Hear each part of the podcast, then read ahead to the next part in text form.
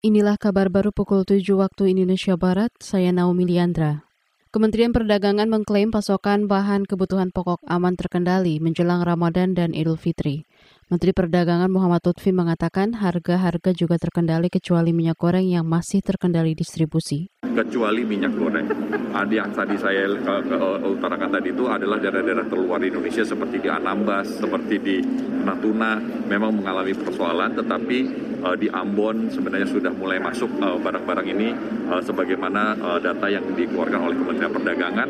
Nah, tapi juga ada daerah-daerah misal seperti Gorontalo tadi menurut hitungan kami sudah biru tetapi ternyata ternyata belum sampai. Jadi kita sedang mengecek uh, jalur distribusi transportasi daratnya apakah ada permasalahan. Menteri Perdagangan Muhammad Lutfi mengatakan untuk minyak goreng harganya diharapkan normal dalam dua minggu ke depan.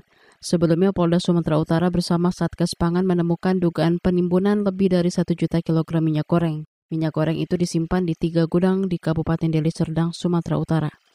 Temuan tersebut saat ini tengah diselidiki Polri dan Komisi Pengawasan Persaingan Usaha.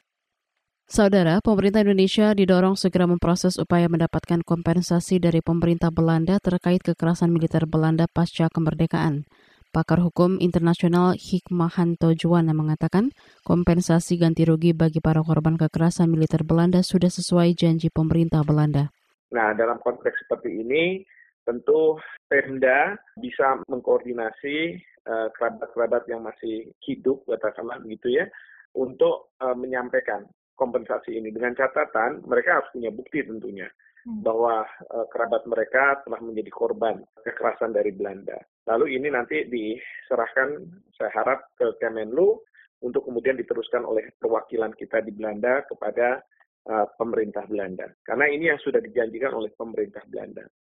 Pakar Hukum Internasional Hikmahanto Juwana mengatakan Indonesia layak mengapresiasi permintaan maaf Perdana Menteri Belanda Mark Rutte Hikmahanto juga berharap agar Menlu Retno Marsudi melontarkan koreksi terhadap pernyataan Mark Rutte yang menganggap Indonesia masih jajahan Belanda saat periode 1945 hingga 1949 itu. Kita ke mancanegara. Kerajaan Inggris mengkonfirmasi Ratu Elizabeth positif tertular COVID-19. Istana Buckingham menyebut ratu berusia 95 tahun itu mengalami gejala ringan dan tetap melakukan tugas resmi di kerajaan hingga pekan depan dengan tetap menjalani perawatan medis. Sebelumnya, anak Ratu Elizabeth yaitu Pangeran Charles juga dinyatakan tertular COVID-19 untuk kedua kalinya. Begitu juga istri Pangeran Charles dan sejumlah orang di kerajaan Inggris. Demikian kabar baru KBR, saya Naomi Liandra.